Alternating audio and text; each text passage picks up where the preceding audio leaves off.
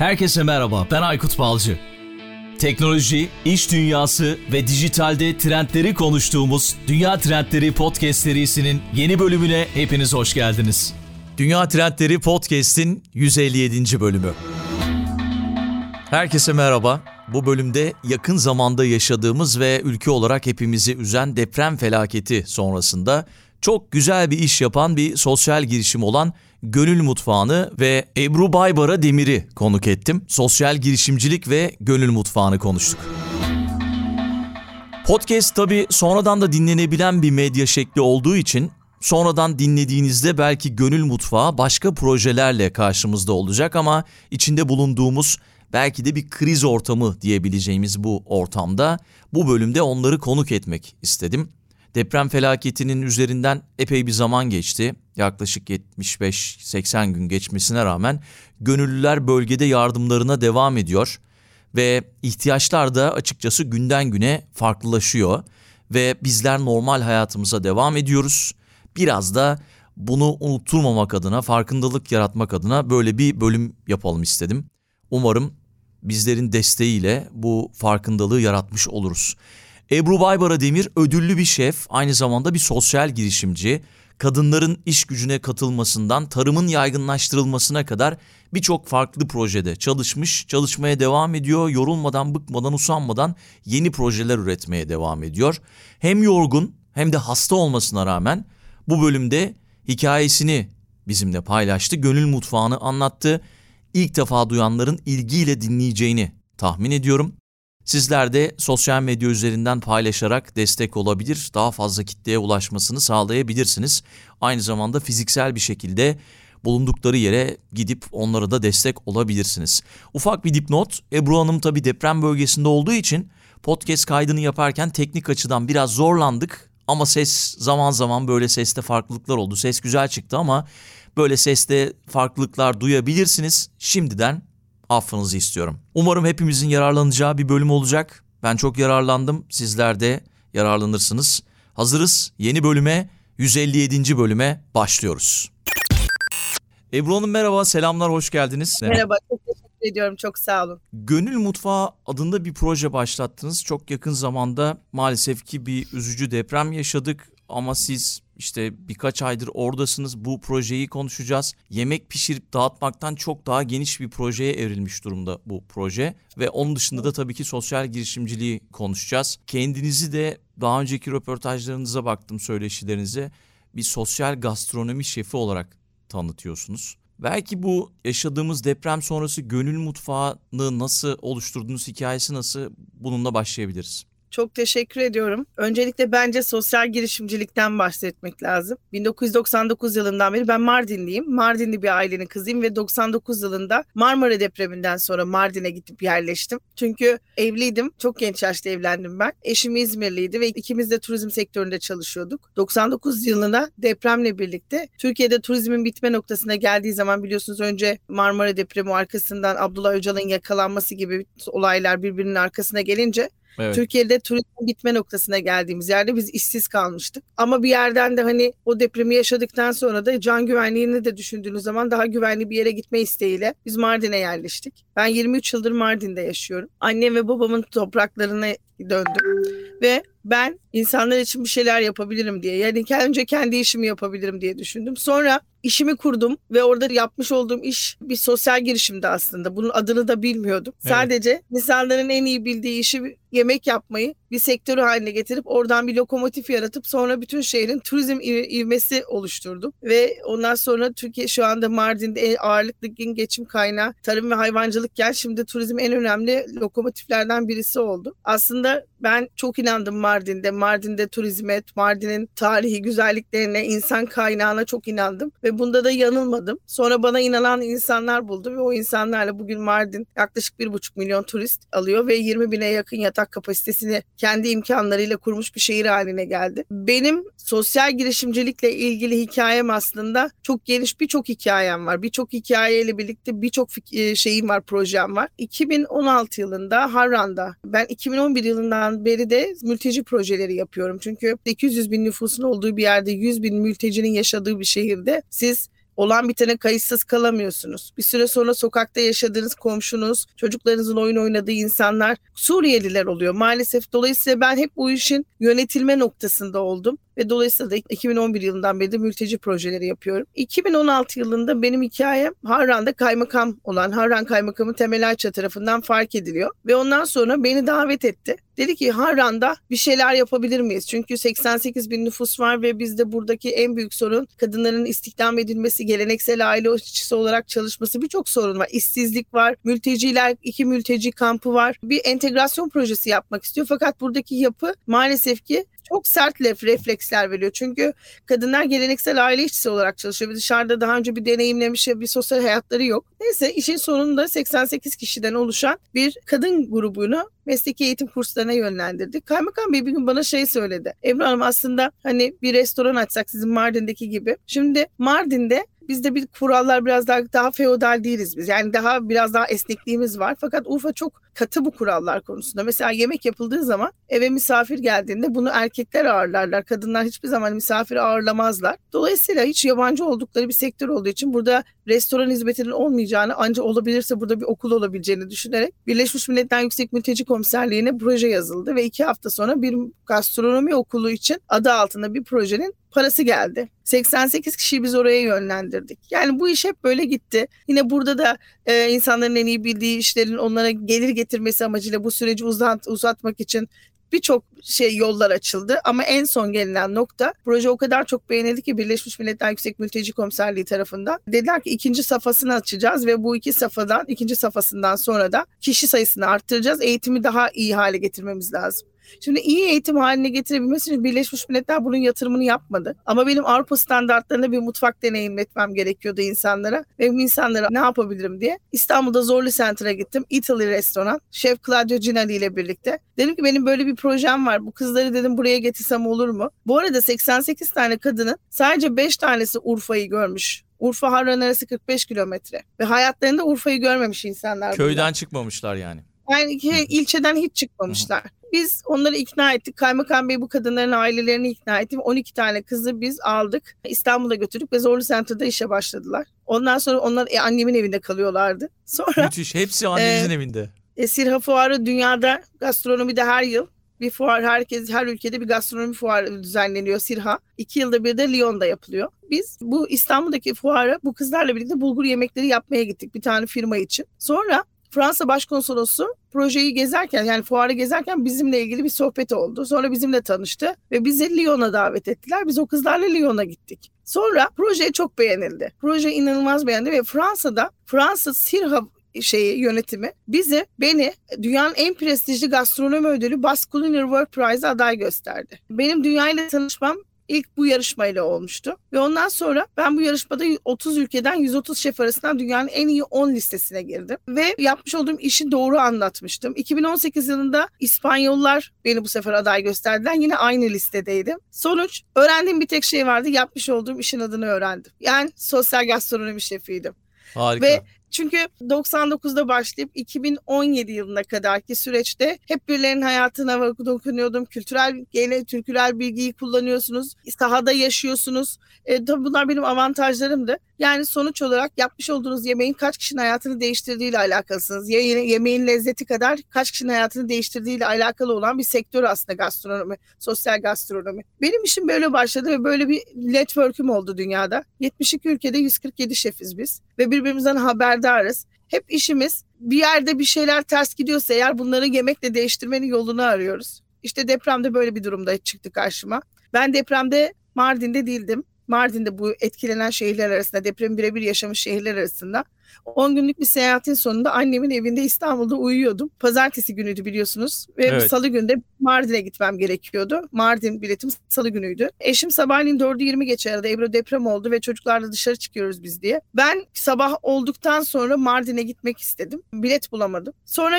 saat birazcık daha işe yapınca öğlene doğru Ceyhan, Adana Ceyhan Belediye Başkanımız Hülya Erdem beni aradı. Daha önceki yapmış olduğumuz bir projeden dostumuz var. Bu yemek işi başımıza iş açacak Ebru'cum dedi. Ben bu altından kalkabileceğimi düşünmüyorum. Gelir misin? Ve öyle geldik biz. Öyle ben Adana'ya Adana bileti aldım. Hatta eşime söyleyemedim. Çünkü olmam gereken yer çocuklarımın yanıydı falan. Çok Doğru. mücadele ettim. Havalimanına gittiğim zaman eşimi aradım. Ben senden hiçbir şey saklamadım ama ben kendim orada olmam gerektiğini düşünüyorum ve ben Adana'ya gidiyorum dedim. O sırada bir gazeteci arkadaşım aradı Ali'ye. Dedi ki Osmaniye'de de benzer bir beldenin belediye başkanı bir yardım istemiş. Buradan haberdar etti beni. Aynı durumda da benim şef arkadaşım Türev Uludağ akrabalarını kaybetti bu depremde. O da Adana'daydı. Ona başsağlığı dilemek için aradım ben. Durumu anlattım. Sonra sonuç olarak biz Türev'le birlikte kendimizi o akşam, o gece Osmaniye KYK yurdunda bulduk. Ben Adana'dan bu süreçte Adana'dan Osmaniye'ye gittiğim ilk gün akşam gittim ve aslında orada yıkıntı göremedim. Yıkılan yerleri veya hani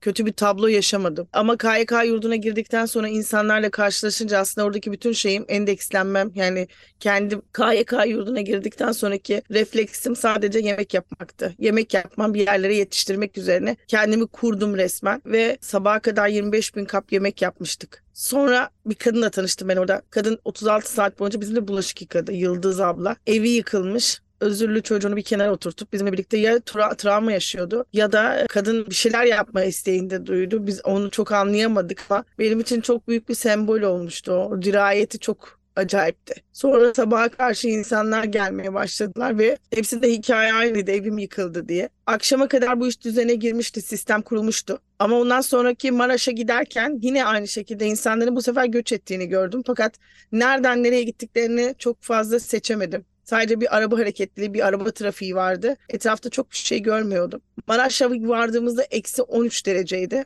Ve ben o akşam sabaha kadar Türev'le birlikte, arkadaşım Türev'le birlikte 17 tır yardım malzemesini indirip mutfak kurduk. Bu- Buradaki telaşınız, buradaki refleksiniz de aynıydı. Burada da sadece yemek yapmaktı. Etrafla ilgilenememiştim. Ne zaman ki akşam değil, öğlen saatlerinde hadi siz buradaki işi bitirdiniz, İskenderun'a gidiyorsunuz dedikleri noktada her zaman bildiğimiz o yolları biz tanıyamadık. Nur Dağı'nı geçtik. Nur Dağı'nın aşağıya girdik. Ondan sonra kaybolduk. Yolları bulamadık. Çünkü o bizim bildiğimiz yollara binalar yıkılmıştı. Ve kaybolunca adres soracak kimseyi bulamadık. Ben burada başka bir endişe yaşadım. Endişe şuydu. Bir şehirler boşaldı. Buradan insanlar gitti. Ve bunu sadece bir tane küçük bir şehirden değil de aslında 11 şehirden bahsediyorsunuz. Türkiye'nin önemli 11 şehrinden bahsediyoruz. Bu bir yanda bir kaygı yarattı. Buradaki amaç yemek olmamalıydı. Buradaki amaç yemek yoluyla yine yapmış olduğum işteki gibi insanların hayatlarını yeniden değiştirebilmekti. Ben böyle girdim mutfağa. İskenderun'daki mutfak benim için daha farklıydı bu sefer. Ondan sonra arkadan milli duygular geliyor tabii ki. Hatay şahsi meselemdir hikayesi çok karşıma çıkmaya başladı.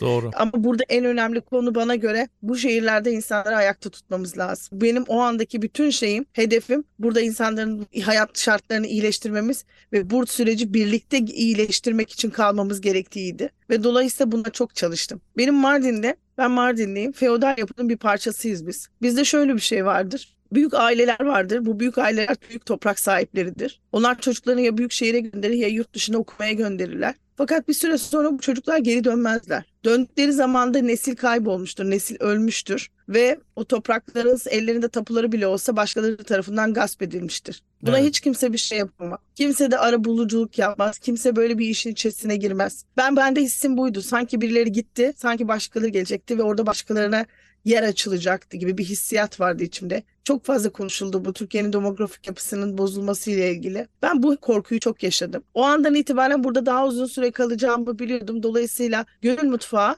aslında önce gönüllüler tarafından hani biz başlattık ama ondan sonra arkasında bir bayrak yarışı gibi birçok insan gelip gönlünü koydu buraya. Gönüllüler tarafından kuruldu bu mutfak. Biz onun için adını Gönül Mutfağı koyduk. Sayısız insanla tanıştım. İsimleri, dışarıdaki sosyal hayattaki isimlerinin ne olduğunu, ne iş yaptıklarını bilmediğim, aslında çok önemli işlerde olan, hepimizin belki de görüşmek için kapısında günlerce bekleyeceğimiz insanlar bizimle birlikte bulaşık yıkadılar. Patates doğradılar. Sayılar arttı. Bugün geldiğimiz noktada 70.200 kişiye sıcak yemek teslim ettik ve mutfakta 262 gönüllü vardı.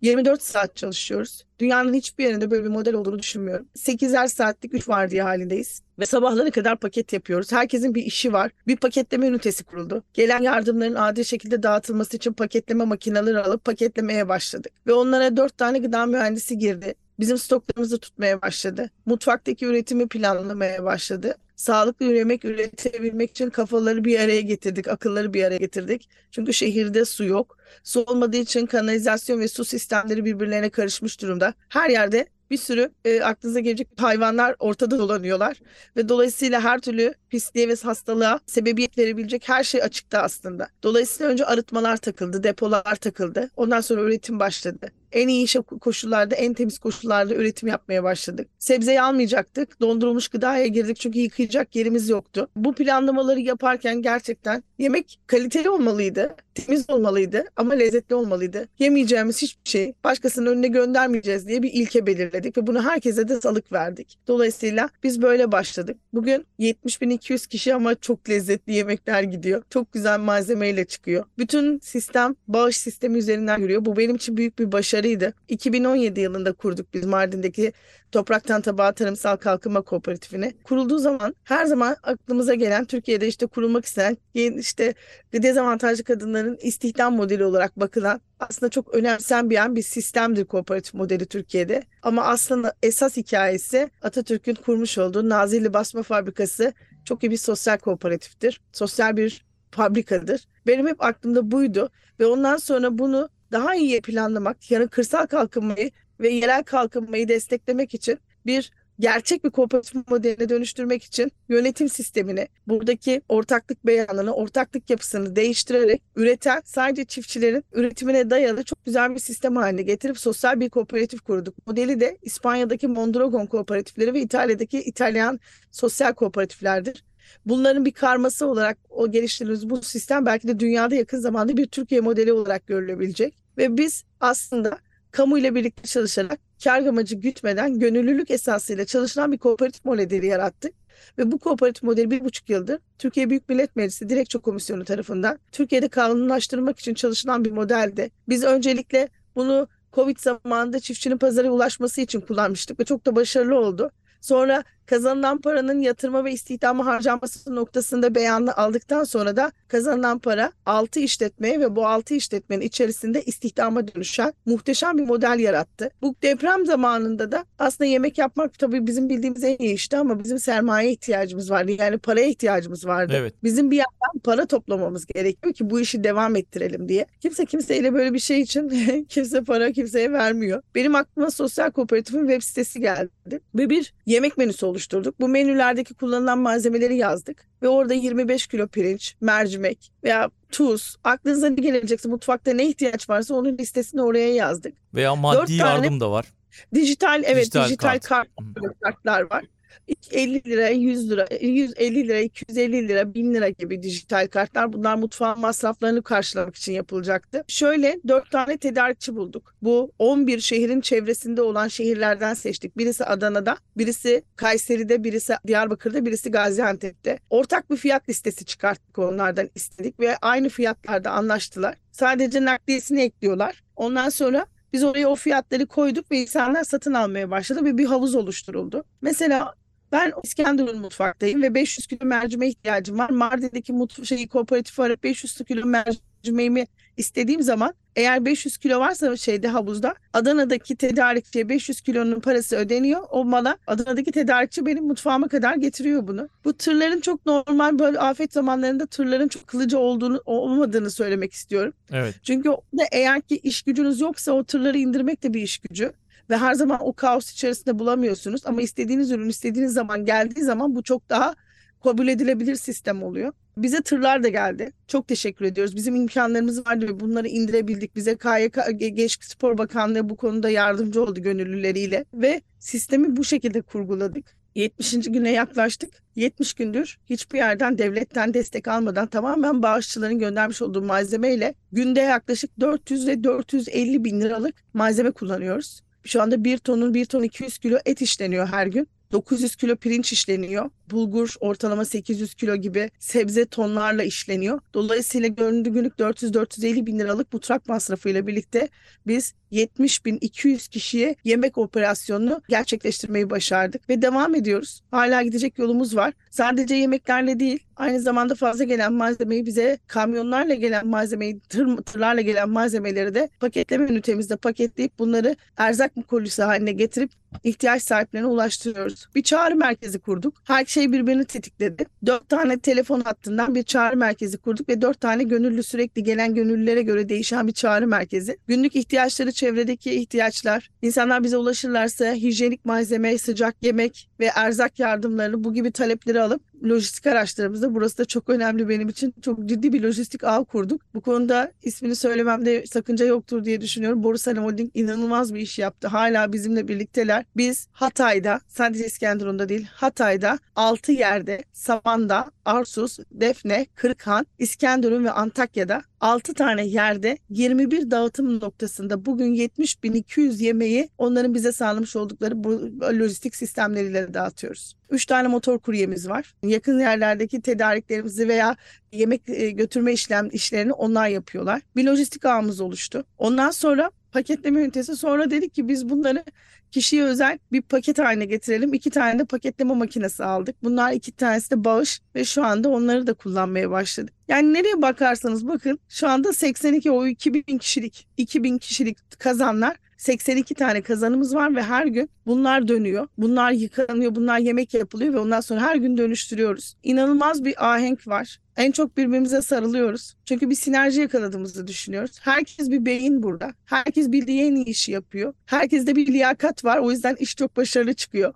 Harika. Ortak dostumuz Tolga mesela makine mühendisi bize şu anda bir sistem kurdu. Bizim şöyle lojistikteki aksaklıkların bize yansıması çok şey olmuyordu. Yani çözemediğimiz noktalar vardı. Onların kurmuş olduğu bir monitör sistemiyle artık bütün mutfakta kaç tane yemek çıkartmamız gerektiğini, ne kadar yemeklerin yüzde kaçının gittiğini görebiliyoruz. Hepimiz o mutfaktaki monitörden izleyebiliyoruz. Dolayısıyla bir sinerji yaratıldı. Ortak akıl geliştirildi burada. Devletle birlikte çalıştık. Devletin Gençlik Spor Bakanlığı'nın mekan açması. Ben bu konuda kendi bakan beye de söyledim. Bir vatandaş olarak ben Gençlik Spor Bakanımıza çok minnettarım. Yani hepimiz orman yangınlarını yaşadık. Hepimiz afeti yaşadık. Su baskınlarını yaşadık. Seli yaşadık ve gidip bir şeyler yapıp en azından o yaraya pansuman olalım. Ateşi söndürelim istedik. Ama nereye gideceğimizi hiç kimse bilmiyordu. Fakat onlar bunda çok hassas davrandılar ve bize bu mekanı açmasıyla birlikte yanımızda durup bize gönüllü desteği ve lojistik desteklerimiz destekleri de oldu. Bizim yanımızda durarak devletle birlikte sivil toplumun nasıl işbirliğinde neler başarabileceğini bir örneğini göstermemize destek verdiler. Bunun için çok minnettarım ben.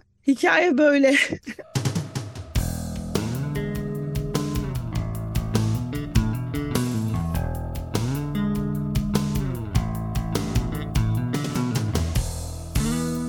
Ebru Hanım hiç araya girmedim bilerek gerçekten size çok çok teşekkür ediyorum tüm gönüllülere ve çok daha fazla kişiye duyuralım istedim.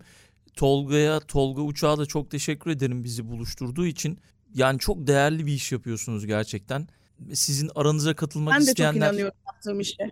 Evet kesinlikle çok değerli. Sosyal girişimcilik konusu Türkiye'de çok fazla anlaşılmayan bir şey. Ki neden anlaşılmadığını da anlatırız aslında. Siz de anlatırsınız birazdan. Ama gönül mutfağıyla şu anda biliyorum ben şu anda hastasınız. Günde belki 4-5 saat uyuyorsunuz ve buna rağmen çalışmaya devam ediyorsunuz tüm gönüllülerle birlikte. Çok çok sağ olun gerçekten. Aktif bir vatandaş olarak görevimi yapıyorum ben. Ben Aykut Bey şöyle bir şey söyleyeyim. Gerçekten çok güzel bir iş çıktı ortaya. Keyifle ve onurla ve gururla söylüyorum. Herkes bu sadece benim ismen yaptığım bir iş değil ya da benim arkadaşımın yanımdaki de. Bu arada Kadir Sancar katıldı aramızda. Kadir Sancar Aziz Sancar'ın yeğeni ve benim aile dostum. İlk gününden beri Kadir benim bütün operasyonu, arkadaki operasyonu o yönetiyor bizimle birlikte. İnanılmaz işler başarılıyor. Ama şunu söylemek istiyorum. Biz çok güzel bir milletiz. Ee, ben 46 yaşındayım ve millet ne demek? Bu acıyla öğrendim. İsmini bilmediğim bir sürü insan. Yani çok farklı şeyler yaşıyoruz. İhtiyacı olan bir tane teyzeyle tanışmıştık. Kayseri'den geldi 10. gün.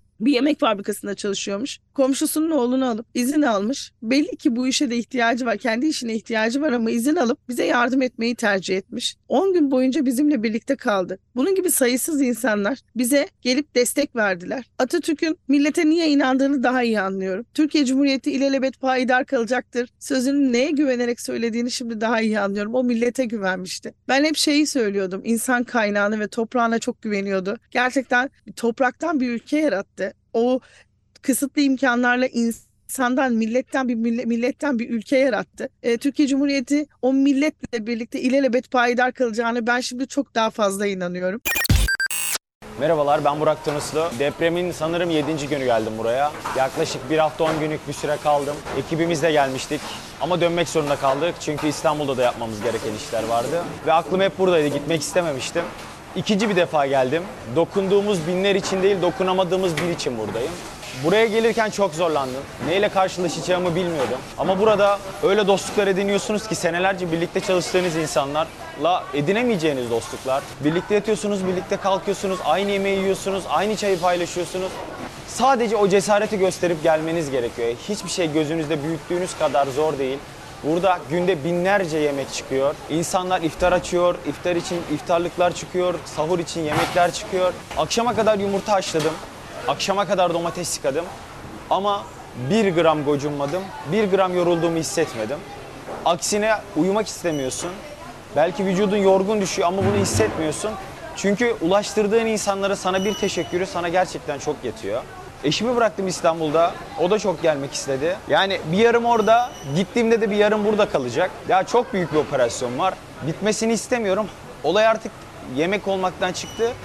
Olay artık gerçekten Hatay'ı ayakta tutmakta. İnsanların gitmesini engellemek, geri dönmesini sağlamak. Çok güzel aile olduk burada.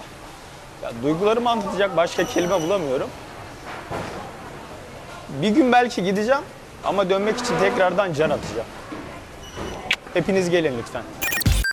Gönül mutfağına katılmak isteyenler sadece bir prosedüre gerek yok. Sadece İskenderun Muhittin İbni Arabi Erkek Öğrenci Yurdu'ndayız. Instagram adresinde isterseniz Gönül Mutfağımız adresinde bir link var. O linki tıklayıp doldurursanız bize ulaşıyor ve iletişim başlıyor böylelikle. Koşullarımız zor. Yan yana yatıyoruz. Yer yataklarımız var. Öyle çok büyük lükslerimiz yok. Zaten anlamıyorsunuz. O kadar çok yoruluyoruz ki. Nerede Evet. yattığımızın da çok kalmıyor zaten. O açıdan gelmek isteyen herkes bu mutfağa, bu iyilik hareketine katılabilir. Bizim kapımız herkese açık. Yemek yapmayı bilmenize de gerek yok. Bir şekilde orada destek olursunuz diye düşünüyorum. Yani yumurta haşlamak da bir iş, domates taşımak da bir iş, lojistiği çözmek de bir iş, yemek yapmak da bir iş. Herkes her şey bir iş. Götürüp lojistiği destekleyip insanlara yemek dağıtmak da bir iş. Ne iş yapıyorsanız, ne işin ucundan tutmak istiyorsanız gelin. Lütfen bu işi bitirelim. Çok ihtiyaç var daha. Hava ısınıyor. 6500 çadır var. Şu anda 300 bin konteyner geliyor bölgeye, deprem bölgesine ve bunun 100 bin civarını Antakya, Hatay'a kuracaklar. Ama havalar ısındı. Çoğu bunların klimalı olmadığı için hala yemek pişirme imkanları çok daha uzun süre yerine gelmeyecek. Dolayısıyla bu ihtiyaç devam edecek. Topraktan Tabağı Kooperatifi üzerinden yardım malzemelerini alırsanız, bize gönderirseniz biz hala yemek yapmaya devam ediyoruz. Bizim mutfağımızda menüler 2 gün, 3 gün öncesinden değil, gelen malzemeye göre aynı gün menüye karar veriliyor ve ondan sonra ertesi gün yemek pişiriliyor. Dolayısıyla orada gönderdiğiniz